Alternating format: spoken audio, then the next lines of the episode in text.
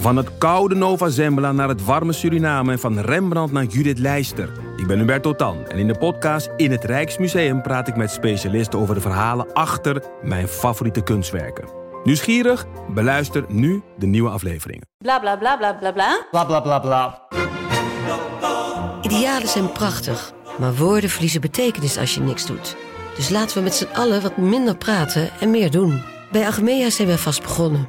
Zo gaan wij voor minder verkeersslachtoffers, gezonde werknemers en duurzame woningen. Waar ga jij voor? Kijk op www.werkenbijagmea.nl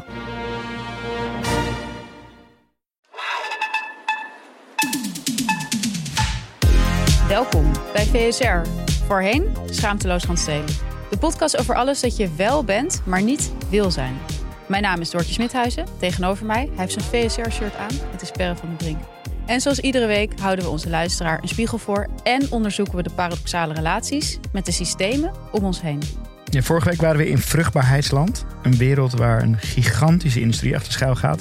En waar het vaak mannen zijn die aan het stuur zitten van de zakelijke kant. Maar verder lijkt vruchtbaarheid helaas meer een vrouwenaangelegenheid te zijn. En daarom gaan we vandaag verder met onze reis naar Guyland. De wereld waarin wij mannen zin hebben in zo weinig mogelijk gedoe. Geen gezeik. Vrij van vervelende verplichtingen willen wij daar zorgeloos leven. Kortom, we gaan vandaag door waar we vorige week zijn gebleven. Namelijk het verantwoordelijkheidsgevoel of lack thereof van mannen in het vruchtbaarheidsvraagstuk. Maar eerst de actualiteit.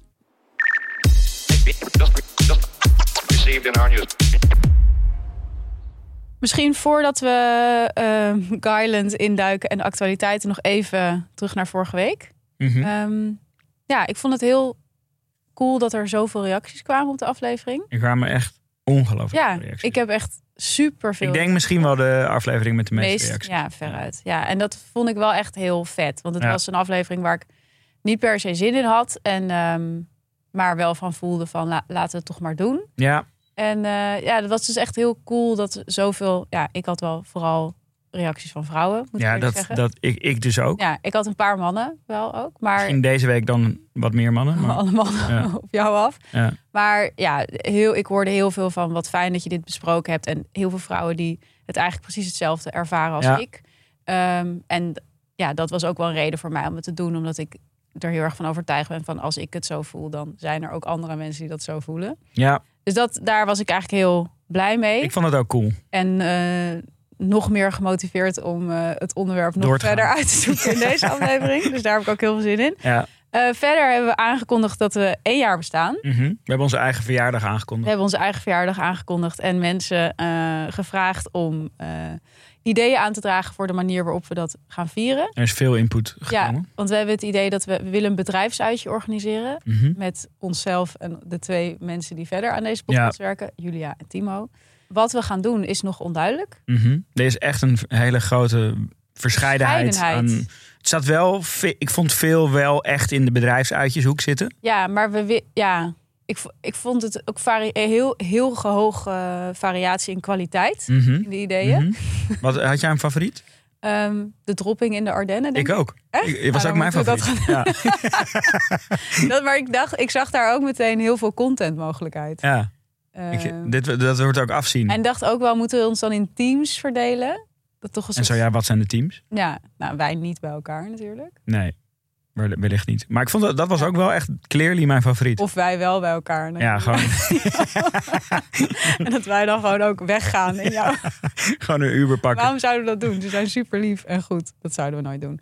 Maar goed, blijf met die ideeën Blijf komen. komen. Ja, want eh, we gaan... Top die eh, dropping eigenlijk. Dat is, Ja. dat is de opdracht. Ik had verwacht dat iedereen met zo'n, hoe heet het, zo'n panic... Oh nee, escape room. Escape room Ja. heb ik wel voorbij zien komen. Maar ik dacht, Oh, ja, ja? dat vind ik dus wel iets te veel in de categorie bedrijfsuitje. Ja, Maar we hebben het ook een beetje over zelf afgeroepen door het bedrijfsuitje dat we te een bedrijfsuitje. Maar, maar wees ook creatief, weet je wel. Ja. Van een bedrijfsuitje kan Ja. ook eh, Ja. naar New York gaan zijn. Ja.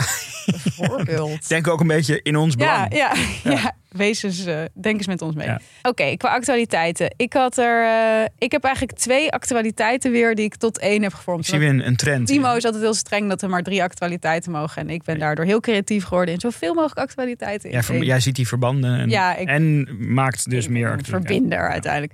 Ehm, deze week eh, werd ehm, aangekondigd dat de loonkloof tussen mannen en vrouwen weer is vergroot. Mhm. Dan begin ik al zo geïrriteerd de week eigenlijk. Dat kwam maandag online op de Volkskrant. Mhm.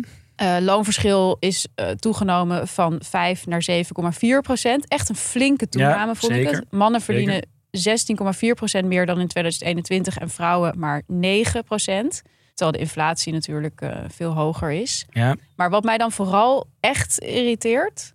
Dus is die, die cijfers. domme duiding ervan. God, dan hebben ze Ja. dat. Dit wordt dus elke twee jaar onderzoek door, eh, onderzocht door Nijrode. En dat is natuurlijk hartstikke goed dat ze dat doen. Maar wat zeggen ze er dan zelf over? Eh, hoe zou dat nou kunnen komen? Ja, waarschijnlijk hebben mannen harder gezeurd. Ja, maar dit is ook letterlijk de quote, toch? Van, Ja, je hebt een heel ze hebben harder gedaan. gezeurd om loonsverhoging. Daar was, dat was waar ze bij Nijrode op uit zijn gekomen. En dan denk ik wel echt van, waar moet je beginnen, weet je wel? Eh, Dit is, het, het komt overigens wel overeen met mijn perceptie van Nijrode. Ja, dat snap ik wel. een beetje een zeikerige instantie. Maar ik weet niet, ik vind het dan zo eigenlijk zo dom dat je als je ja, het hele systeem van de patriarchaat waarin vrouwen gewoon sowieso minder worden aangemoedigd om eh, om loonsverhoging te vragen, überhaupt misschien wel om geld te verdienen, kan samenvatten dat mannen meer zeuren en bijvoorbeeld ook vaak veel betere secundaire arbeidsvoorwaarden hebben, zoals een auto van de zaak en zo. Ik bedoel, dat is gewoon Maar er zit ook een. Het woord zeuren is ook een opvallend gekozen woord. toch? Dus het is. Oké, dus mensen, als ze een, om een loonsverhoging vragen in tijden van giga-inflatie, wordt dat met- door de onderzoekers zelf als zeuren. Ja, geframed. ook dat, ja. Het kan ook Goed. vragen zijn, toch? Nou ja, het is gewoon weer een zoveelste voorbeeld van dat er soort systemisch iets verkeerd zit. Dat vrouwen gewoon als minderwaardig worden gezien op de arbeidsmarkt. En daardoor lager worden ingeschaald en daardoor lager verdienen. Ja, je kan dan dat samenvatten als mannen zeuren meer. Ik zou denken, het zit toch eh, iets dieper. Dan, Tegelijkertijd. tegelijkertijd gebeurt er iets anders. eh, waar ik me ook heel erg zorgen over. Waar ik eigenlijk even geïrriteerd over ben. En al wat langer een sluimerende irritatie maar terug blijft komen. Eh, dat is namelijk dat Cola Light. Mhm. Dat is by far mijn favoriete drankje. Ja. Ik denk dat dit En- ook een, een, eigenlijk een gratis advertorial voor Cola Light gaat worden. Dat zou kunnen. Toch? We hadden het er in de auto over dat ik echt geen influencer deals aanneem. En toen heb Behalve- ik gezegd, behalve van Chanel, Ja. daar wil ik bij het aan toevoegen. Cola en Light. Cola Light. Ja. Ehm, ik denk ook dat het mijn grootste verslaving is. Ik, ik, ik moet zeggen, ik heb dus ook een voorkeur voor Cola Light. Ik, echt? Ja, Ja, ik dus ook. ja, En het is dus ook echt een andere smaak dan, dan, dan zero? Zero. Ja, Ja? Zero lijkt meer op gewone cola. In Cola Light zit een citroensmaak. Oh ja? Ja, Oh, grappig. dat heb ik dus geleerd uit het artikel in de Volkskrant. Bij mij was het puur het design van het blikje. Was ik gewoon, dat Ja, zilveren dat is vind ik veel mooier. jij- hoe jij, dat is wel weer hoe jij denkt. Dus ik heb net, hè, net in de Volkskrant een beetje natuurlijk op, op hun plek gezet... dat ze zo'n domme uitleg als mannen zeuren eh, meer gewoon publiceren... zonder daar verder een kanttekening bij te maken. Maar ze hadden ook een ongelooflijk goed artikel van onze vriend Julia Althuisjes... overigens over de verdwijning van Cola Light. En ik had al lang het idee van, volgens mij is dat zo. Volgens mij overal als ik Cola Light bestel zeggen ze... ja, je krijgt zero. Soms zeggen ze het niet eens meer... En op zich vind ik het ook prima. Maar op een gegeven moment begon ik wel omheen te kijken van waar, waar, waar wordt er nog Wat cola light is gestopt? Ja, wat voor agenda zit hierachter? En er kwamen dus, zaten dus ook cijfers bij. Dat dus bleek dat inderdaad de afgelopen twee jaar ongeveer volgens mij eh, het aantal restaurants, horecazaken in eh, Nederland dat cola light schenkt met 50% is afgenomen. Ja. En dat is dus allemaal verdrongen door cola zero. En hoe komt dat? Cola light is een vrouwelijk product. Mhm. Eh, dus het is een light product, het is een dieetproduct. In het Engels heet het natuurlijk ook diet Ja. coke. En mannen willen geen vrouwelijke Ja. producten consumeren. Net zoals dat bijvoorbeeld toen Gillette ook vrouwenmesjes ging verkopen. Toen kochten mannen geen Gillette meer. Ja. En daarom hebben ze het Venus genoemd. Zodat Dat wist mannen een soort van alleen recht hebben op Gillette. ja. En dit vond ik ook weer. Dan denk je, ja, dan gaat dat mannelijke product dus weer dat vrouwelijke product verdringen. Terwijl het product zoveel bestaansrecht heeft. Dus Maar ik denk dus ook dat dit niet een. Nu frame je het een beetje alsof het een vraagkwestie is. Dus dat die cafés Mm. en restaurants vragen om meer cola zero. Ik denk dat het een push is. Vanuit cola. Ja. Ja, ja, dat, is het. dat staat ook heel goed in dat artikel. Dat ze, ze zetten daar nu op in omdat ze weten dat mannen dat ook willen Ja. drinken. Dat snap je natuurlijk ook wel. Maar het is natuurlijk wel Ja, het is, typisch. ik vraag me dan af of het dan ook of het voor hun ook een soort praktische beslissing is of zo. Weet je, dat het logistiek handiger is om één drankje te bevoorraden in plaats van twee. Ja. Maar ja, Ehm, mannen, maar- mannen meer betalen dan vrouwen omdat ze meer zeuren is natuurlijk ook een praktische beslissing. maar goed, ik las in dat artikel werd ook Peter Pannenkoek, wat nog een grotere Cola Light fan is dan ik. eh, die werd ook aangehaald. Die maakt zich ook heel erg zorgen om Mhm. ehm, het verlies van Cola Light. En hij pleit voor een revolutie. En daar wil ik me bij deze ook graag bij aansluiten. Ik vind dat we in protest moeten komen met z'n allen. Cola Light is ook een veel meer merk wat een soort culturele waarde veel- heeft. Ja, het heel veel cultstatus. Ja. Ja, vind Terwijl ik. Cola Zero is echt een vrij hol merk wat dat betreft. Het Nou, is, ik sluit me ook aan bij deze revolutie. daar, liggen daar ook kansen. Kan je niet een rebranding doen? ja, voor de, Cola misschien Light. moeten we het gewoon overnemen. Ook we moeten het mannen. gewoon van cola kopen. Ja, dat kunnen we zo doen. Ja. Oké, Oké. hier is geen brug voor. Nee, ga maar door. Ah ja, dat gaat ook over de Volkskrant. We ons, ons voornemen om Cola Light te kopen. hebben gewoon de hele We Volkskrant hebben net de hele frisdrankmarkt is helemaal in paniek. Van, oh, gaan ze het doen? Zouden ze, menen ze dit? Ja, de stocks gaan keihard omhoog. Of omlaag, je weet het niet. Nee, wij hebben de hele Volkskrant van A tot Z gelezen. Ja. Blijkt maar weer. Want eh, ook eh, het ding wat ik nu ga vertellen komt uit de Volkskrant. Eh, die hadden een kop. Oh, ja, het was een, een stuk over Daphne Schippers. Een, een profiel. Nadat zij aankondigde dat ze af ging zwaaien als atleet. Wow, ik wist niet dat ze nog bezig was, joh. Ja, maar zij heeft heel veel, ik geloof, ik weet even niet uit mijn hoofd, maar volgens mij rugblessures. Hmm. Eh, maar dermate erg dat ze gewoon, ja, dat het gewoon niet meer echt opschiet. Dus eh, zij kondigt daar eh, afscheid aan. En de Volkskrant schreef, schreef een profiel over haar. En de eindredactie kopte de witte vrouw die de zwarte supersprinters uitdaagde. Wel heel goed dat je zegt de eindredactie kopte. Ja, is altijd de eindredactie. ja, ja dat is, het Ja. zal in- inderdaad niet de auteur zijn geweest Nee. die dit als suggestie heeft Nee. gegeven. Ofwel, dat weet je niet. Maar, maar wat, ma- ja, ik bedoel, dit is gewoon, ik vond dit anno 2023 een vrij opvallende Ja. en vrij kolossale fout. En wat meer, kijk, dit, dit is, ik wil niet eindeloos alleen maar over dit voorbeeld van de Volkskrant hebben, maar Mhm. je ziet het dus in sport zie je dit dus enorm vaak. Dus in, in, in Want taal. dit vind jij dan die fout... wel, Ik bedoel, het is me wel duidelijk, maar... Nou, het is natuurlijk gewoon racist. Ja, En ze hebben een onderzoek gedaan eh, een aantal jaar terug, ehm, specifiek over de voetbalwereld. En uit dat onderzoek bleek dat ehm, zwarte voetballers in voetbalcommentaar eh, vaak worden geroemd om hun kracht, om hun atletische vermogen en om hun snelheid. Mhm. En in beeldspraak worden zij vaak met dieren vergeleken. Mhm. Terwijl witte spelers ehm, meer worden omschreven als creatief en intelligent. Ja, en ja, ja. geroemd worden om hun inzicht. Eh, en daar zit diezelfde soort linguistic bias zit daar, zit daarin. Ehm, dus bijvoorbeeld Ajax op hun eigen socials over Brian Brobby, eh, een, een speler die, oké, ik geef toe, hij is best wel breed. Mhm. Maar ze noemen hem dus Brobeast. Ja. Ja, hij heet Brobby. Eh, dus daar, ook daar gebeurt het. Of, of het AD eh, schrijft een, een necrologie van een oud ajax die is overleden. En noemt daar, hem daarin een stuk tropisch hardhout. Dat is echt wel heel erg. Ja, dat, dat zijn toch wel Ja. vrij heftige dingen. Dus ik dacht, Women Inc., dat is een organisatie die strijdt eh, voor een wereld waarin het niet uitmaakt Mhm. of je als jonge meisje of non-binaire persoon, zeker, Ja. eh, wordt geboren. Die eh, publiceren ieder jaar een, ehm, een stijlgids. Eigenlijk Ja. voor dit soort dingen bedoeld. Dus ik dacht, laten we die dan eventjes aan het einde Heel van dit goed dingetje idee. onder de aandacht brengen. Dus die, die kan je gewoon gratis bij hun downloaden. En daar worden dit soort dingen juist in benoemd. En ook een beetje van wat kan je hier tegen doen of hoe kan je hier op letten Mhm. bij jezelf. Want dat is natuurlijk allemaal niet expres.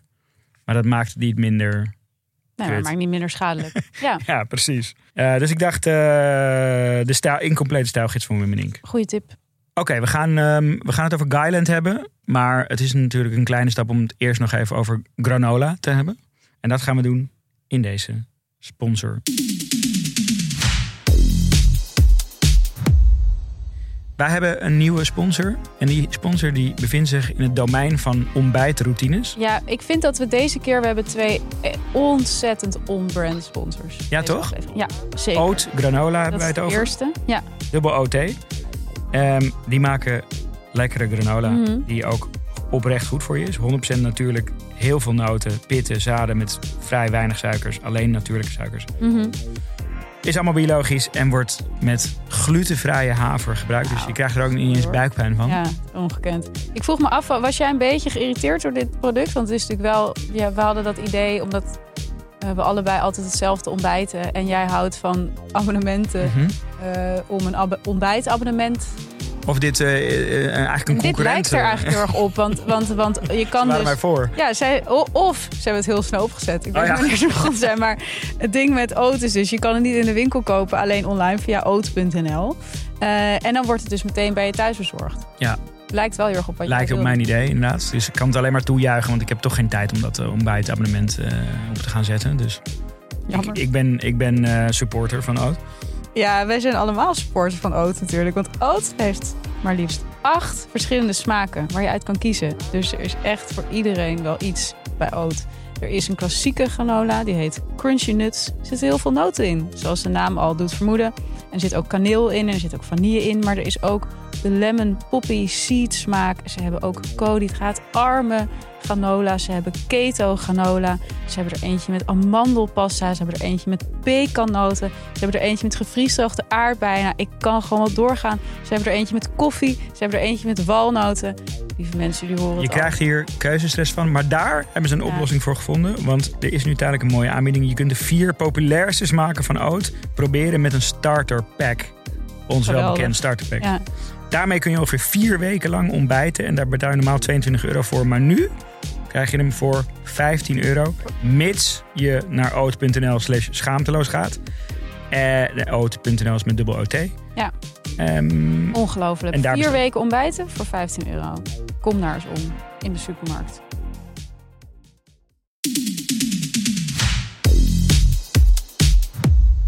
we gaan door.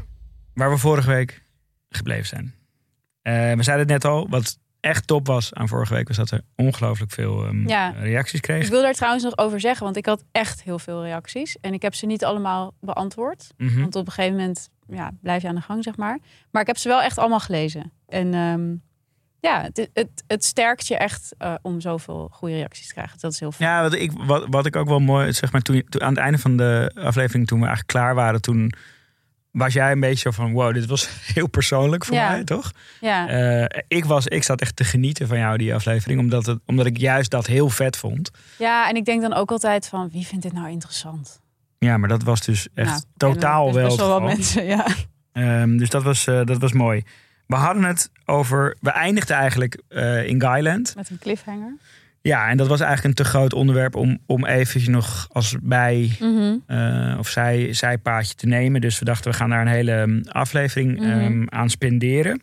En dat gaan we vandaag doen. Ja, Eh, een korte um, preview alvast. We hebben een uroloog gesproken Ja. over mijn wel of niet aanstaande vasectomie. vasectomie. Ja, AKA. want dat was natuurlijk waar we op uitkwamen. Van er zijn ook manieren voor mannen om ja, zwangerschappen te voorkomen. Of Ja. meer verantwoordelijkheid te nemen voor vruchtbaarheid in die zin. Ja. Eh, dus ja, je kan als man gewoon op een gegeven moment, als je een aantal kinderen hebt en je denkt van nou, het is wel even mooi geweest zo, kan je gewoon eh, een vasectomie laten doen. Ja. En hoeft jouw vriendin gewoon niet meer eh, aan de hormonen om te zorgen dat ze niet zwanger wordt. Nou, daar werden we allemaal ontzettend enthousiast van, van dat idee. Met name Perre, maar ook Julia, onze stagiair. Die wil ik toch even benoemen. ehm, hier vandaag in haar eentje zit, zonder Timo. En die ook meteen de, eh, daar toch, toch een flinke ving- vinger in de pap heeft genomen. Inhoudelijk met dit thema. Door het eh, draaiboek wat we dan hebben te benoemen. Mannen, dubbele punt, steriliseren. Ja, ving- vinger in de pap. Ik, word, ik, word, ik, word ook, Duidelijk, toch enigszins, inhoudelijk wordt het enigszins gestuurd. ik ben gewoon in een soort funnel eh, Ja. geduwd van een uroloog. Ja, ja, ja. ja. Die overigens, eh, nadat, nadat we hem hebben gesproken, bleek, bleek hij ook wekelijks te luisteren. ja. Ehm, Hij, en kende, hij, hij kende jou al. Ja, hij kende mij al. En, en zijn eh, letterlijke woorden waren, en dit is een quote, Ja. Perre moet gewoon niet zo zeiken. ja, je moet je niet zo aanstellen, zei Ja. hij. Ja, ja. Eh, en eh, hij nodigde me uit om langs te komen. Hij verwacht jou in de Dus kliniek in Jullie Amstelveen. kunnen vanaf nu gaan stemmen op Steri ja Of sterinee? Nee. Ook een leuke uitje voor met het eh, eenjarig bestaan. Het, is wel, het is wel echt iets anders. Het is wel atypisch. Eh, maar goed, dus we gaan, er deze, we gaan deze aflevering induiken. En dan aan het einde gaan we horen of jij, eh, Of ik het ga of doen jij of niet. naar eh, de kliniek in eh, Amsterdam gaat. Ja, want zeg maar, de, de- ik heb drie kinderen. Dus je zou kunnen zeggen, inderdaad, wat jij net ook al zei van... Ja, is, het, is het mooi geweest of niet? Ja. Nou ja, het is sowieso een thema wat wel echt speelt, toch? En ook Zeker. om mij heen. Ik heb best veel vrienden die eh, kinderen hebben, meerdere Ja. kinderen hebben, twee of drie kinderen. En ja, dan, dan klopt dat onderwerp gewoon aan de deur. Dus eh, gaat papa nu, gaat papa nu een vasectomie nemen? En ik vind het dus heel interessant dat eigenlijk bij, nee, gewoon bij iedereen die ik ken, bij wie dit speelt, zegt die man, nee, dat doe ik niet. Ja, nou, dit, ik zie, ik ga de, meteen ging die, Zachter stemmetje praten, weer, weer, ja. weer, weer zachter. Dat zal misschien een aantal keer eh, deze aflevering gebeuren. Ja, maakt niet uit. Julia, Kijk. die zet jou wel harder. Precies. Ik voel aan alles dat op dit moment in ons leven dat ik aan de beurt ben Ja, om, om ehm, ja, wel, hoe noem je dit? Eh, knip te zetten. ja, de, kn- de knip te zetten. Ehm, maar dus ik voel dus ook aan alles dat ik dat dus niet wil. Ik vind dat dus zo. Want waarom is dat zo? Ik bespreek natuurlijk ook mannen die dat niet Nou, willen. weet je wat grappig was? Ik, waarom het, ik heb er dus de hele week natuurlijk over nagedacht. Van, ik denk uiteindelijk, en het voelt heel definitief. Ja, Eh, en ik moet zeggen dat de, door de research te doen, dat, ik, dat dat gevoel niet helemaal bij me is weggegaan. Omdat, het, omdat ook de hersteloperatie, dus je hebt zeg maar de sterilisatie of je hebt een knoopje erin in Ja. de volksmond. En dat kan je herstellen. Maar daar zitten wel best wel veel risico's. haken aan ja aan. dat is waar. Ehm, en eh, ik geloof, er werd een percentage genoemd van ongeveer 50% dat het dan alsnog niet kan. ja, En dat voelt toch best wel, ondanks dat ik extreem tevreden ben met mijn drie kinderen, Mhm. dat is gewoon genoeg. Voelt het toch gek om daar dan zo definitief. Nou ja, en dat is natuurlijk al waar.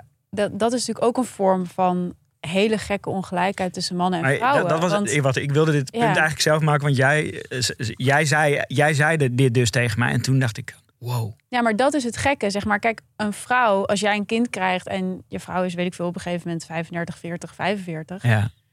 Dan is zij sowieso Nee, niet precies. vruchtbaar. Maar dit Dus zei je dus heeft- gisteren tegen mij op kantoor. Toen- Ik was helemaal zo, oké, mind blown. Ja, maar dat is het natuurlijk. En, en voor mannen is het perspectief gewoon oneindig in principe. Ja, maar dat, In- dat, in- dat, realiseerde ik in me eigenlijk toen pas. En, dat, en ik snap ook heel goed dat mannen dat niet willen opgeven. En het gebeurt natuurlijk ook vaak dat, ik bedoel, daar hebben we ook genoeg over gehad in deze podcast, dat eh, relaties uit elkaar gaan, mensen scheiden. En voor mannen is het natuurlijk de mogelijkheid om dan nog een gezin te stichten. Dat vergroot hun kansen op de liefdesmarkt natuurlijk enorm. En Dus, dat eh, is wat zou ik- dat dan, wat eronder ligt, een soort van egoïstische... eh, Nou, dat is gewoon wat ik ook van mannen hoor. Dat ze zeggen, ja, En jij, hebt- jij hebt een, een, een, case eh, in, de, in de nabije omgeving, maar dit ook gewoon nee, als argument werd. maar oh, heel veel jongens die ik ken zeggen dat.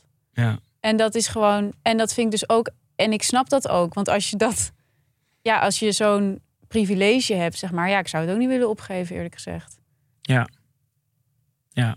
Nee, het was, nee, het was, ik voelde me, wat toen jij dat gisteren zei, toen, toen volgens mij zei ik, toen wa- was mijn eerste reactie van, Ja, je was heel druk. Ik was op kantoor gekomen omdat ik wist dat je vijf minuten vrij had.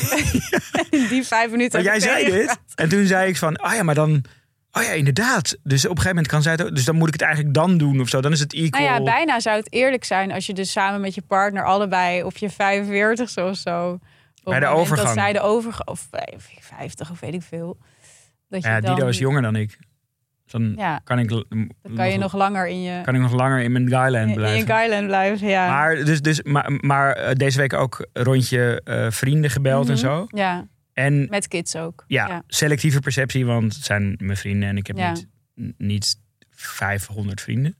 Ehm, Nee, heb jij geen 500 vrienden? nee, wel op, ehm, op social, maar, maar niet cool. eh, in, in het echt. En ik merkte wel dat dat thema echt, dat, dat is echt gaande. Ja, hè? Ja, ja, ja. En ehm, ik was op een etentje eh, dit weekend van iemand die, die zijn 40ste verjaardag eh, vierde. Jij dacht, ik gooi je maar even in. Ja, en, en je merkte, dat was gewoon precies die leeftijdsgroep of. Dus bijna iedereen die daar zat, die had ook kinderen. En daar merkte je gewoon ook wel echt dat dat gewoon een, een thema is wat wat speelt. En wat dus, waar je dus ook wel ziet dat mannen wel iets meer ehm, daar de verantwoordelijkheid Mhm. ook in, eh, in pakken. Dus dat is eigenlijk wel een positief teken. Uit de research die we verder hebben gedaan voor deze Maar aflevering. even van, je, in jouw vriendenkring gaan mensen dat doen? Ja, ik Oké. had bijvoorbeeld één, één iemand die dat gaat doen. Maar, eh, dat zeg ik dan wel meteen mee, dat was ook omdat er druk was. Omdat eh, zijn vriendin eigenlijk gewoon zei... Prima als je het niet doet. Maar ik neem geen anticonceptie en ook geen abortus. Oh, bolzie. Eh, dus het wa- er was weinig ander, ander keus. Nou, dat, Ehm. is, dat is eigenlijk interessant, want in het, in het groot zie je deze beweging eigenlijk nu in Amerika. Exact. Want exact. daar is dus een hele grappige eh, Trend. trend. gaande dat er steeds meer mannen een vasectomie nemen. En dat is echt gekomen sinds eh, het terugdraaien van Roe versus Wade. Ja. Dus het eh, gegeven dat eh, staten in één keer zelf mogen beslissen of ze abortus wel of niet toestaan. Waardoor dus voor heel veel vrouwen, eh, wat ik nog steeds gewoon krankzinnig vind, een abortus gewoon niet mogelijk Ja. is. En daardoor zie je dus dat mannen in één keer veel meer vasectomies. Ja, die- die- volgens mij was in die data letterlijk de dag gewoon Ja. zichtbaar. Ja, gewoon zie je het van de gewoon een op de andere dag. Ja. En wat dus heel grappig is, is dat je dus ook dat er dus op TikTok ook een trend is. En dat vind ik ook heel erg goed. Mhm. Dat mannen dus die behandeling, eh, nou ja, een soort, soort van hun gezicht tijdens die behandeling of zo filmen. Ja, I'm getting a vasectomy today. All done. Less than an hour. No more babies. I just got a vasectomy at the age of 23, and I'm here to answer all of your questions. Starting off with, did it hurt? No, absolutely. en dus ook echt elkaar informeren van joh, het, het, het is echt niet zo eh, ingrijpend. Het is echt niet Nee. zo pijnlijk. Je bent twee, twee dagen. Ik vind het ook heel grappig dat vrouwen hun man dan altijd filmen als, als Ja. hij uit het ziekenhuis komt. Hoe die dan loopt. Ja, ja. En twee dagen of zo heb je veel pijn en daarna is het eh, klaar. Ja, ja dus ehm, de, de, de beweging is een beetje ehm, ingezet. Overigens, eh, eh, eh, qua, qua, qua die cijfers, wat nog andere grappige pieken waren. Je had natuurlijk in 2008 best wel een grote economische crisis. Eh, dat was ook een enorme piek in, Ja, in Dat vasectomie. zie je overal, zie je nu weer, ook in Nederland. Ik vind dat altijd heel Ja. treurig. Ja, ja, ja, Ja. dus inderdaad. Ehm, eh, eh, maar ook iets als klimaatverandering, daar verwachten ze dus Ja. ook een soort correlatie Ja. tussen, tussen ja, eigenlijk een soort van toekomstperspectief en Ja. wat ook wel logisch en heel Ja. treurig is.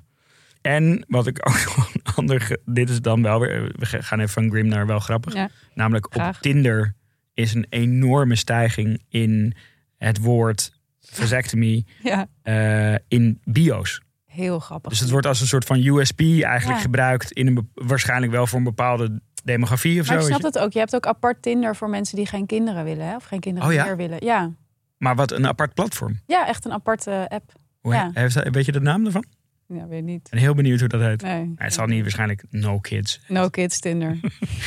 No Eh, maar dat, dat het dus, dat het dus ehm, eh, op Tinder vijf keer zoveel in bio's staat als voorheen. Ja, Eh, dus dat geeft ook wel ehm, eh, wat aan. En wat ook nog een mooi artikel was, was in The Atlantic. ook weer typisch Guyland. Dat, ja. dat gasten dan, als ze het doen, dan denk ik van ja, fuck, ik moet een beetje chill maken of zo, weet je wel. En dan gaan ze het dus met vrienden samen doen en als een soort uitje. een En Soort, dan gaan ze dat allemaal doen. ja, en dan noemen ze het brosectomy. Eh, en dan, dat is dus gekoppeld ook vaak aan soort sport, we- weekenden waar grote sportwedstrijden zijn. Het klinkt echt alsof die gasten van Entourage met z'n allen. Maar echt, gewoon, het is de, de- Maar prima of zo, weet je wel. Zeg maar, als dat de manier is waarop ze dat willen doen.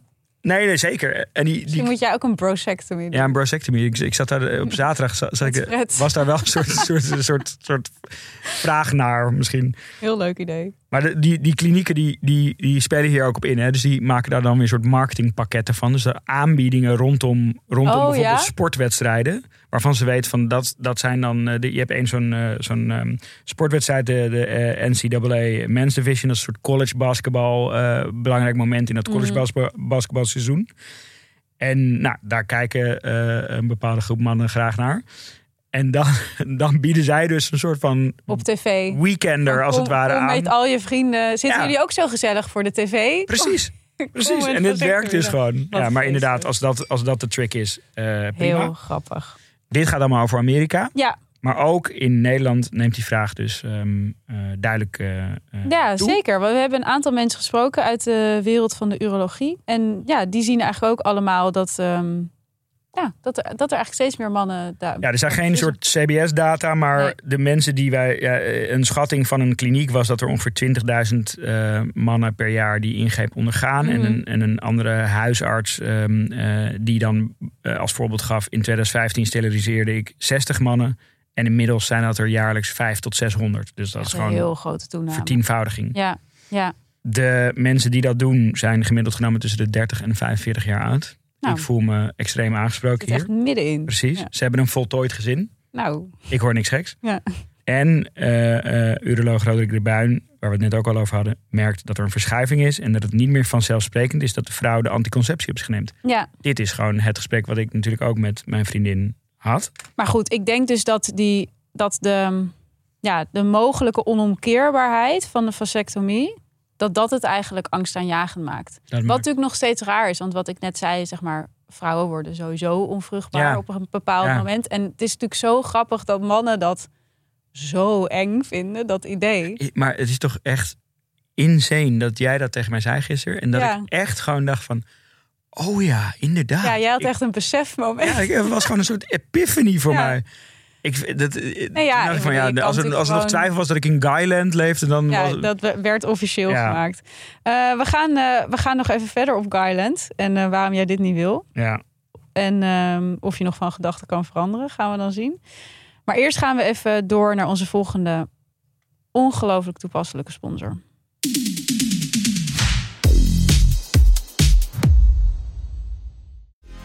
Ja, want we hebben een, eh, eh, een sponsor en dat is een film dit keer. Mhm. Jij bent naar de film geweest. Ja, want onze eh, sponsor is de film Past Lives van Mhm. distributeur The Searchers.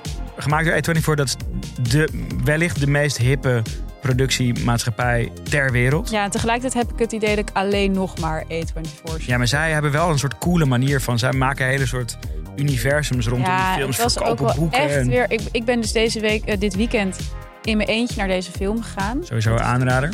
In je eentje naar de film Ja. gaan. Ik hou daar zo van. Ja. En dat allerleukst. Ik was in de movies in Amsterdam. Nou, ook een uitstekende plek om in je eentje naar de film te gaan. Mhm. En ik vond het een geweldige film. Ik vond het een fantastische film. Ehm, Wat was er? eh, beschrijf even. nou, het gaat over twee eh, mensen uit Korea, uit Zuid-Korea. Mhm. eh, die verliefd zijn op elkaar als ze twaalf zijn. En Ja. dan de ene gaat eh, verhuizen naar Amerika en de ander blijft in Korea. En ze blijven eigenlijk eh, twaalf jaar later voegt hij haar toe op Facebook of zo. En dan krijgen ze een soort halve online affaire. Ja. En dan nog weer twaalf jaar later, zij is inmiddels getrouwd en ze is schrijver. ehm, zo- zoekt hij haar weer op. Dus het gaat eigenlijk In, hij gaat naar Amerika toe. ja, gaat dan naar New York, waar zij dan woont. En het gaat, eigenlijk is het thema van de film, en daarom vind ik het dus zo mooi. Want ik vind dat een heel mooi onderwerp is. In hoeverre is liefde een keuze? En wat zo mooi is tussen hen, is dat dat zo duidelijk wordt in die film van zij hadden ook een Mhm. leven samen kunnen Mhm. hebben, maar dat hebben ze niet. Ja. Eigenlijk is dat dus het thema van de film. Het thema van de film is dus niet de levens die je wel leeft, maar de levens die je niet leeft. En dat gaat ook heel erg over dat bicultureel zijn. Dus zij gaat naar een ander. Zij gaat eerst naar Canada, geloof ik. En dan naar Amerika. Dus haar leven is ook heel anders. Hij heeft juist veel meer Koreaans leven, zeg maar. Ja. Hoe staat dat dan tegenover elkaar? Maar ook dat je eigenlijk dus een gedeelde geschiedenis. Dat dat ook heel waardevol is. Mhm. Maar misschien ook niet het enige wat waarde heeft. Dus het, het is een hele onderzoekende film. Heel ontroerend ook. Heel mooi gedraaid. Hele lange, lange shots vaak. Dat vind ik zelf altijd Ja. heel mooi. Ja. Ja, het Klinkt- is, klinkt het is als gewoon een... een- prachtige film. Ja, ik kan niet anders zeggen. Denk, zou je hem als na een vasectomie eh, eh, aanraden? Gewoon om een beetje een soort van rustig... eh, Ehm, ik denk dat het een heel goede eh post-vasectomie film is. Oké. Ja, ik denk dat het je rust geeft. Oké. Ja. Pest Luis, hij draait vanaf 5 oktober in de bioscoop. Ik zou zeggen, ga.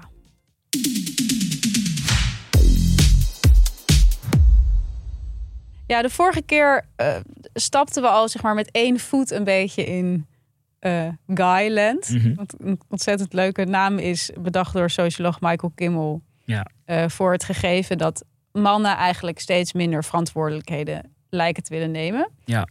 Ehm, en wat mij betreft is dat gegeven dus dat mannen zo weinig doen aan vruchtbaarheid. Dus in de zin van verantwoordelijkheid nemen voor het voorkomen van zwangerschap, voor het eh, nou ja, feit dat vrouwen op een gegeven moment wel een kind eh, graag willen krijgen. Hoe, hoe verhoud je je daartoe? Maar dus ook het problemen die ervaren worden rond die vasectomie. Het vind ik Mhm. eigenlijk ook allemaal een soort voorbeelden van Guyland. Ja, Ehm, het is een beetje zo je opties open houden, niet willen settelen. En daardoor eigenlijk de ander alsmaar dwingen tot wel verantwoordelijkheid nemen en wel eh, keuzes maken. Ehm, dus daar wilden we het eigenlijk wat meer over hebben. Wat Ja. langer over. Vooral omdat jij toch wel meteen heel sportief toegaf dat jij voor je gevoel ook een beetje in Guyland woont. zeker. Ik, ik ben echt wel een beetje uit Guyland weg. Ja, ja, ja. Maar er zijn ook best wel veel momenten dat mijn vriendin echt helemaal niet vindt dat ik uit Guyland weg ben. En dat er, dat er toch spanningen zijn. Welke, Van, wat voor momenten zijn dat dan? dat gaat toch wel bijna altijd over zorgwerkverdeling. Ja, Ehm, dus wij hebben een systeem. eh, ik weet niet waarom je nu gaat lachen. ja, gewoon omdat jij ook... Ik word zenuwachtig van jou. Eh, ik vind het best wel spannend eigenlijk Ja. om dit allemaal te vertellen. Maar mijn vriendin wilde op een gegeven moment eh, iets anders doen. en ging verloskunde Mm. studeren. Dat, to, toen er tijd zat ik nog, werkte ik bij Vice. Had ik een baan in loondienst. Ja, Maar had ik wel al plannen om te gaan ondernemen. Alleen zij was me voor in die beslissing, die levens, die grote beslissing maken. Dat betekende dus dat wij ervoor kozen dat eh, zij eh, ja, vier jaar fulltime ging studeren. En Ja. dus geen inkomen eh, zou hebben. En we hadden al kinderen ook op dat moment. De tweede was best wel een grote een beslissing. hele grote beslissing. Ja. Die we ook gezamenlijk moesten nemen. Want ja, daar, er, ontstond daardoor ook een soort afhankelijkheidspositie. Ja, totaal. Je Dus committeert je wel heel erg aan elkaar. Dan. Ja, zeker. We, we hebben het daar toen over gehad en we kozen van vet, jij moet dit doen, Mm. dit, dit wil jij. Ik kon het, ik zat best wel goed bij Vice, dus Ja. ik kon het ook makkelijk leiden om gewoon twee inkomens eh, eh, binnen te halen. Dus dat was ge- geen probleem. Eh, nou, zij is dat gaan doen, maar wat dat dus wel ja, eigenlijk installeert, is een afhankelijkheidspositie. Ja. Want ik ja, het- het ins- installeerde eigenlijk een heel traditioneel Nou ja, en dit is dus ook... ik voel- voelde me trouwens wel een kleine perre van de brink dit weekend. Toen dus al die reacties en goeie, toen dacht ik ook, is dat een lekkere flow. Mhm. Even de cover van mijn nieuwe boek delen. dit maar dit is wel precies waar mijn nieuwe boek eh, Kapitalisme is seksisme over gaat. Dat je dus juist vanuit eh, eh, ja, autonome beslissingen... of ja, eh, beslissingen die in elk geval autonoom voelen... in hele ongelijke situaties terechtkomt. Precies. En dat Ja. is, dit is dus wat, wat in die, in die, op die momenten dat er spanning ontstaat Ja. tussen ons over, over dit, dit systeem waar we in zitten, heb ik mijn defensiemechanisme is natuurlijk van ja, maar wacht even, we hebben, dit, we hebben hier samen voor gekozen. Ja. Dit, is, dit is het systeem wat wij doen. We balanceren elkaar. Alleen dat neemt die ongelijkheid niet per se weg. Nou ja, en denk dat bij jou ook wel, en dat kan ik me ook voorstellen, wel ook iets zit van ik verdien het geld om dit allemaal mogelijk te maken. Zeg maar. dat, Ja. dat is natuurlijk ook een rol. Ja, en, maar dan kom je dus altijd in dat gesprek terecht. Ja. Wat dus uiteindelijk, zeg maar, ik vond het altijd juist vet dat we dat samen gekozen hadden. Ja. En dat dat ook een soort mooie balans was. Voor mij was het dus juist een soort post-Guyland beslissing. ja. Eh, alleen op de momenten dat hij schuurt, dan wordt het ineens een hele traditionele rolverdeling discussie. Ja, En omdat het dat ook is. Omdat het Ja. dat allebei is op een gekke Ja. manier. Want ja, het is inderdaad en verantwoordelijkheid nemen en ergens voor kiezen. En je dus ook aan iemand eh, la- hele lange tijd committeren eigenlijk. Want je zegt eigenlijk van nou ga jij maar vijf jaar of zo, ik weet niet hoe lang dat is, studeren. En ik zorg dat dat kan. ja, Maar tegelijkertijd is het natuurlijk die, die gewoon hele kapitalistische, seksistische verdeling van de een eh, doet de zorg en de, eh, de vrouw doet de zorg en de man verdient het geld. Die- ja, maar ja, die bestendig je wel weer of zo. Mhm, mhm. Nee, want die, want die, kijk, even om misverstanden te voorkomen. Ja. Het is niet dat, dat ik geen enkele zorgtaken op me neem. Nee. Ehm, eh, ik, ik, ik, doe, ik, ik, ik doe gewoon zoveel eh, als dat ik kan doen binnen Mhm. de tijd die ik heb. Dit klinkt echt alsof ik niks doe trouwens. Nee, maar daar wil ik ook wel. Je doet heel veel. Je brengt elke dag kinderen naar school. Je er- haalt ze elke dag van school. Ik Precies. bedoel, ja. Eh, ik heb gisteren heeft mijn dochter haar eerste woord gezegd. En? Raad. Papa? Ja. Oh, per. Ja. Gefeliciteerd. We kunnen nu even een instartje doen. Ehm, maar ehm, ik, doe, ik, ik- neem echt wel veel zorgtaken op. Maar alleen Hmm. de, de balans op dit moment, omdat er in mijn leven minder flexibiliteit zit. eh, ja, onder andere door de, doordat de druk heel hoog ligt, omdat ik twee inkomens moet, moet Ja. binnenhalen, zit er gewoon minder flexibiliteit om ze even eh, ergens naartoe te brengen eh, tijdens een werkdag of zo. Weet je? Ja, Dido studeert, dus ja, dan ben je vaak iets flexibeler. Ehm, Ja. Want het, zijn, het is niet dat er gewoon acht uur per, dag college is of zo. nee, Ehm, precies. En dat, en dat is natuurlijk... ehm, ja, sorry, nu ga ik de hele tijd refereren aan mijn eigen boek. Dat is ook een beetje En dan starten we dat, dat muziekje van die editorial even. pre-order now. Ik ben ook een kleine kapitalist uiteindelijk. nou ja, maar dat is natuurlijk interessant dat je inderdaad zegt van zij is flexibeler. Kijk, als je kijkt naar de verdeling tussen mannen en vrouwen qua werken. Vrouwen werken in Nederland bijna altijd parttime. En mannen werken bijna altijd fulltime. Mhm. Ja. Daar zit natuurlijk al dat grote Ja. verschil. Dat de man makkelijker... Weet je, dat, dat zijn allemaal van die keuzetjes... die zeg maar allemaal leiden tot een uiteindelijk vrij ongelijk systeem. Ja. Waarbij dus inderdaad het dan altijd aan de keukentafel is van... ja, maar jij bent net iets flexibeler. Mhm. Weet je wel? En de man, man ook zegt van... eh, ja, met mijn werk kan dat gewoon heel moeilijk. Ja. Maar, ik, ik, Maar zal- die is- ik, ik herinner me ook nog steeds toen, toen we het... Ik weet niet eens meer wat het... Maar hadden wij een keer een gesprek over ook hier. Dat jij zei van ja, weet je wat het is? Ik kan gewoon niet stoppen met werken. Ja, dat zei je toen van ja, ja, maar dat heeft een vrouw dus niet te kiezen. Nou ja, nee, maar dat ik toen zei, ja, maar ik ook niet. Ja. Dus zeg maar, stel dat ik ooit zwanger word, ja, op een gegeven moment moet je wel. Nou, dus- dus deze discussie is heel actueel nu. Want Ja. inmiddels zijn we bijna vijf jaar verder. ehm, Mhm. En gaat zij afstuderen. Eh, en daarna gaat ze dus dat werkveld in. Ja. Ehm, en dan is het even afhankelijk waar ze terecht gaat komen. Maar de kans is groot dat ze bij een eh, wat kleinere praktijk gaat. Wat betekent dat je best wel veel nachtdiensten eh, hebt. ja, Wat natuurlijk voor mij heel veel gaat vergen. ja. Want als je... Oh, ver, dat wordt zo interessant. Ja, dit wordt een heel. Was, we hadden dus. We hadden laatst een. ehm, eh, gingen we voor, Ja, echt dat- voor het eerst in de acht maanden uit eten of zo. En dat was meer een soort. Eigenlijk een projectmanagement Een meeting. Ja, een soort, soort- hoe gaan we dit systeem. Het team kwam samen, Ja. het managementteam ja, het, kwam management, het was een offsite. Eh, hoe gaan we dit systeem doen als, als zij dat werkveld ingaat?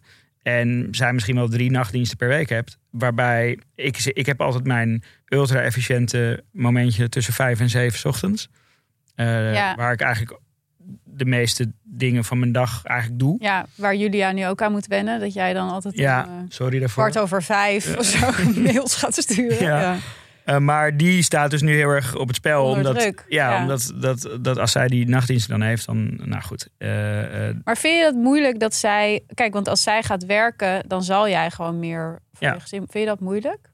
nee, het is, het is typisch zo'n ding wat. ehm, voor, eigenlijk voordat je je eerste kind hebt, denk je he- heel veel na over de consequenties die dat eh, heeft. En denk je van shit, het tornt aan mijn vrijheid. Ik kan niet volledig meer mijn carrière doen. Je zit eigenlijk, eigenlijk best wel vast in, dat, in die realisatie. En dan is je kindje er. Mhm. En dan blijkt het allemaal wel mee te vallen. En dan deal je er gewoon mee. Dus ik denk dat dit een gevalletje is van... nu vind ik het kut. Want ik, ik merk aan mezelf Ja. dat ik nu wel me vaak zorgen maak van... ja, fuck, hoe ga ik dat doen, weet je wel? Ik, wil- Ja. ik wil niet... Ik wil zeg maar en die zorgtaak doen... maar ik wil ook gewoon mijn carrière nastreven. En Ja. op een gegeven moment is de tijd gewoon op.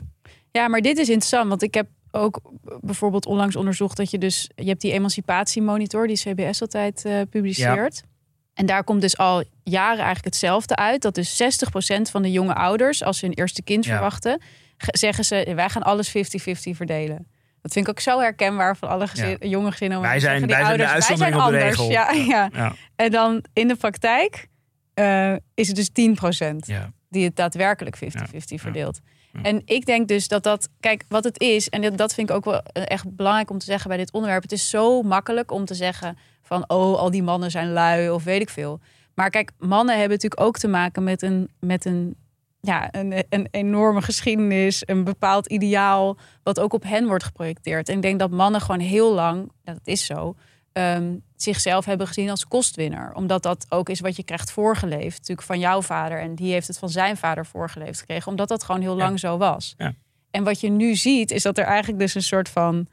ook een soort crisis lijkt te ontstaan bij mannen... die dus niet, eh, eh, niet zeg maar weten wat ze echt nog met zichzelf aan moeten, om- moeten. Omdat op het moment dat ze een gezin gaan stichten... het helemaal niet gezegd is dat zij de kostwinner gaan zijn Mhm. vaak een vrouw ook de kostwinner kan zijn. Ja. En dat dat denk ik ook ook een onderdeel is van dat Guyland. Dus dat mannen gewoon steeds later willen settelen, steeds Ja. later kinderen willen krijgen, of als ze het überhaupt al willen. Omdat ze ook hun eigen positie heel erg onder druk Ja. eh, Is voelen dit ook de staan. geist? Is dit de geist? Ja, de geist voor mannen dan? Ehm, de ja, geist dus die een nu soort- bij mij aanklopt? ja, denk het Ja, wel. toch? Ik denk het een ook. soort nieuwe. Ja. Dus. Het is Ja, gewoon een soort. Ja, dat, dat is de, de, de, de, een transitie duurt natuurlijk lang. Dus dit is zeg Ja. maar het moment dat het be- begint te veranderen. Nou ja, maar en ik vind het dus ook wel echt belangrijk om te benoemen dat zoiets dus niet. Net zoals ik zeg van het is niet een helemaal puur autonome keuze van jullie om bijvoorbeeld, weet je wel, dat jij het geld verdient. Want dat is gewoon al heel lang zo. Dat mannen Mhm. dat op zich nemen. Dat is, dat is gewoon ook iets wat je hebt gezien, voorgeleefd. Ja. In je hoofd hebt geprint van zo is het nou eenmaal. Maar zoiets werkt ook alle kanten op. Dus ik had ook voor mijn boek heb ik hele interessante onderzoeken gelezen uit dan meer het veld van de sociologie. En dan zie je dus altijd dat en ik vind dat echt heel erg dat het zo is, maar het is dus wel echt zo. Dat in relaties waarin de vrouw bijvoorbeeld het geld verdient, kostwinner is, succesvoller is, zijn dus beide partners ongelukkiger in de relatie. Ja. Dus Heftig. het is niet alleen maatschappelijk. Gezien- wat zijn de verklaringen? Heb je dan. nou, ook de sociale vooroordelen. Dus ze hebben allemaal onderzoeken gedaan. Dat is echt heel, heel treurig. Dat ze dan dus twee stellen aan focusgroepen laten zien. Zo van Brian en Wie zijn Amy. gelukkiger? Ja, en dan dus in Amerika en Nederland hebben gedaan. En dan zeggen ze dus van in de ene geval heeft Amy een hele succesvolle baan. En is Brian een soort huisvader. Ja. En ander is het andersom. ja. En dan vinden ze dus die Brian meteen echt een zieke loser. Als hij is. En Amy is een bitch. En zij is vet hard en zo. En ze hebben ook geen goede relatie. En ze hebben geen seks en zo. Terwijl als het andersom is, dan zegt iedereen van... Oh, wat leuk. En Amy is lekker thuis. En eh, ze hebben superveel seks. Weet je wel. En, dat, en dat, soort, dat soort vooroordelen, die voel je toch, denk ik, als stel ja. Ja, waardoor stellen zich dus ook steeds meer committeren aan, aan dat Guyland. En, en mannen daar dus toch in, in, blijven hangen. En dus ook daarin kunnen blijven hangen, omdat het comfortabel misschien wel is voor beide partijen. Ehm, en wat, daar, wat daarmee gebeurt en waar- waardoor dat toch wel belangrijk is, denk ik, om dat te onderzoeken en te benoemen, is dat je gewoon seksistische structuren binnen relaties blijven bestaan. Eh, terwijl mensen dat ook niet willen. Dus ik vond dan dat boek. ehm, je hebt dat boek van Tim Gauw, Mhm. Thuisblijfvader of Mhm, zo heet mhm. dat. En dat gaat dan over dat hij dus eh, zi- zich. Hij heeft dus wel op een gegeven moment gekozen voor, voor het huisvaderschap. En dan gaat het heeft dus een boek geschreven van hoe. eh, hoe, hoe moeilijk of zo, typisch weer een man eigenlijk, dat je dan thuis vader, daar dan ga je daar weer een werk van maken, ga je daar weer presentaties over geven, weet je wel. Maar ik vond wel een aantal, ik las zijn artikel daarover in de Volkskrant en dat vond ik dus wel heel goed. Dat hij, hij beschrijft eigenlijk dat idee van weaponized incompetence. eh, opzettelijke onbekwaamheid. En dat is dus ook, eh, ja, op social media zie je dat ook vaak voorbij komen. Maar dus dat mannen eigenlijk hun incompetentie in het huishouden naar de vrouw presenteren als ze van jij bent slimmer dan ik. Dus het is handiger als jij de boodschappen Ja. doet. Want Ja. jij bent Ja. competenter. Ja. En dat vond ik ook erg herkenbaar, moet ik zeggen. Jij? Eh, nou, niet dat ik doe wel de boodschappen, maar ik, ik wil dan wel het liefst dat er een lijstje is. Dus dat is Ja. Maar wil je dan ook dat er een lijstje is met, met foto's, zoals hij ook beschreef? Nee, niet, niet foto's. Ik heb wel ehm, een paar pogingen gedaan om een shared document te maken. Oh, echt? Om het efficiënter te maken, maar dat, is, eh, dat, dat lukt nooit. Ja, een vriendin van mij had op een gegeven moment zo'n ehm notities dingetje, weet Ja. je wel, in, de, in, in Ja, haar dit was iPhone. mijn poging. Dat je dan, en dat ze dan kon aanvinken wat hij moest halen. Zodat hij elke keer kon kijken wat hij moest halen. Nou, drie weken later was dat uit. dat Ja, werkt het is toch goed gewoon dus niet. dat die dat niet doet. Ja. Ehm, Nou ja, maar het is, het is interessant, want ik had er eigenlijk ook nooit zo over nagedacht. Maar ik heb het dus wel heel vaak, of ja. Ja, maar dit is ook vaak, allemaal, Maar zeg ik heb maar- het wel meegemaakt. Inderdaad, dat Zeker. iemand tegen mij zegt van... Ja, mijn brein kan dat gewoon niet Nee. aan. Of ik ben Nee, te exact. stom om boodschappen te doen. En dan sta je dus uiteindelijk weer zelf de boodschappen te doen. Terwijl je ook gewoon heel hard werkt. Hmm. Concluderend. concluderen. We gaan richting het eh, grote heikele punt van deze Ja, je, moet, je moet ook een soort gains voelen. Dus ehm, daarom zei ik dat net van, van mijn dochter, die, die, die dat woordje ze- gisteren Ja. zei. Wat echt vet was, was ik echt heel blij mee. En de afgelopen weken ehm, is, is die daar ook de borstvoeding aan het afbouwen. Dus dat betekent ook weer dat s'nachts, uh, er dan pak ik hem natuurlijk gewoon. Ja. Ehm, en dat gaat dan gewoon best wel goed of zo. En dat voelt dan ook top gewoon. ja, want dan voel je je ook meer betrokken of zo. En dan voel je eigenlijk ook mannelijker. Ja, Dus dan voel je eigenlijk... Ja, terwijl het een soort van misschien anti-Guyland activiteiten Ja. zijn. Maar je voelt je eigenlijk veel meer man als je gewoon je fucking verantwoordelijkheid neemt. ja, ja, maar misschien is dat het gewoon op het moment dat je Fatherland of zo meer als Guyland benadert. Als een plek waar jij ook eigen autonomie kan hebben. Ja, Dat het dan ook natuurlijker aanvoelt. ja. In plaats van als een, als een land waar je soort van... schoorvoetend heen, Ja, heen ja. eh, bent gegaan. Ja, ja. En Ja. waarin je ook een rol moet aannemen die misschien Nee, het- zo is het niet inderdaad. jouw is of zo. Dus het is een proces. Lang verhaal kort. Eh, goed, de grote, ja, de grote vraag is natuurlijk... hoe ver gaat die verantwoordelijkheid? Ja. Ehm, Kom er maar bij, Roderick. ja, jeetje. Ehm, het was wel een beetje op het punt gekomen dat, dat de spiraal er alweer werd bijgehaald. Nou, en dan doen we dan toch gewoon... eh. ja, Ik moet wel zeggen dat wat jij zei gisteren, dat ik, dat ik gewoon letterlijk daar nog niet over had nagedacht. ja. Ik voelde me best wel dom daardoor. Mhm. Ehm, heel erg Guyland voelde ik me. Dus misschien is dat dan toch maar wat er moet gebeuren. Ja, I guess. Ik weet het niet. Ik, vind, ik ga niet nu zeggen in, in deze opname dat ik Nee. dat ga doen. Eh, Aan de andere kant, hoe gaan mensen het controleren? misschien gaan ze Ro, best, bellen. je kan hier best wel mee wegkomen. Ja. ik heb het gedaan. Ja, Volgende week in de actualiteiten. ja, Nee, maar ik ga het wel serieus overwegen. Want het is wel, ook wel weer zo'n... Als je dan weer een week met dit onderwerp... Of ja, bijna twee weken eigenlijk met dit onderwerp bezig bent. Nou, en het is, het is wel, kijk, en dat, dat vind ik er ook zo goed aan. Het is een, wat ik ook zei vorige keer over dat eitje invriezen. Van, het is weer een manier waarop er meer gelijkheid ontstaat. Ja. En het is een ingreep die misschien niet voor iedereen geschikt is. Maar het is wel goed dat het er is. En ik denk dat het goed is als meer mensen zich daar ook van laten doordringen. Van dit is ook een idee. En je kan als man best wel Ja. iets doen. Zeker. Bekijk de TikTok-filmpjes daarvoor. Dan zie je dat het wel meevalt. Ja, en wie weet maken we er binnenkort een van jou. Precies. En tot die tijd zeggen we Tabé. tot volgende week. Tot volgende week.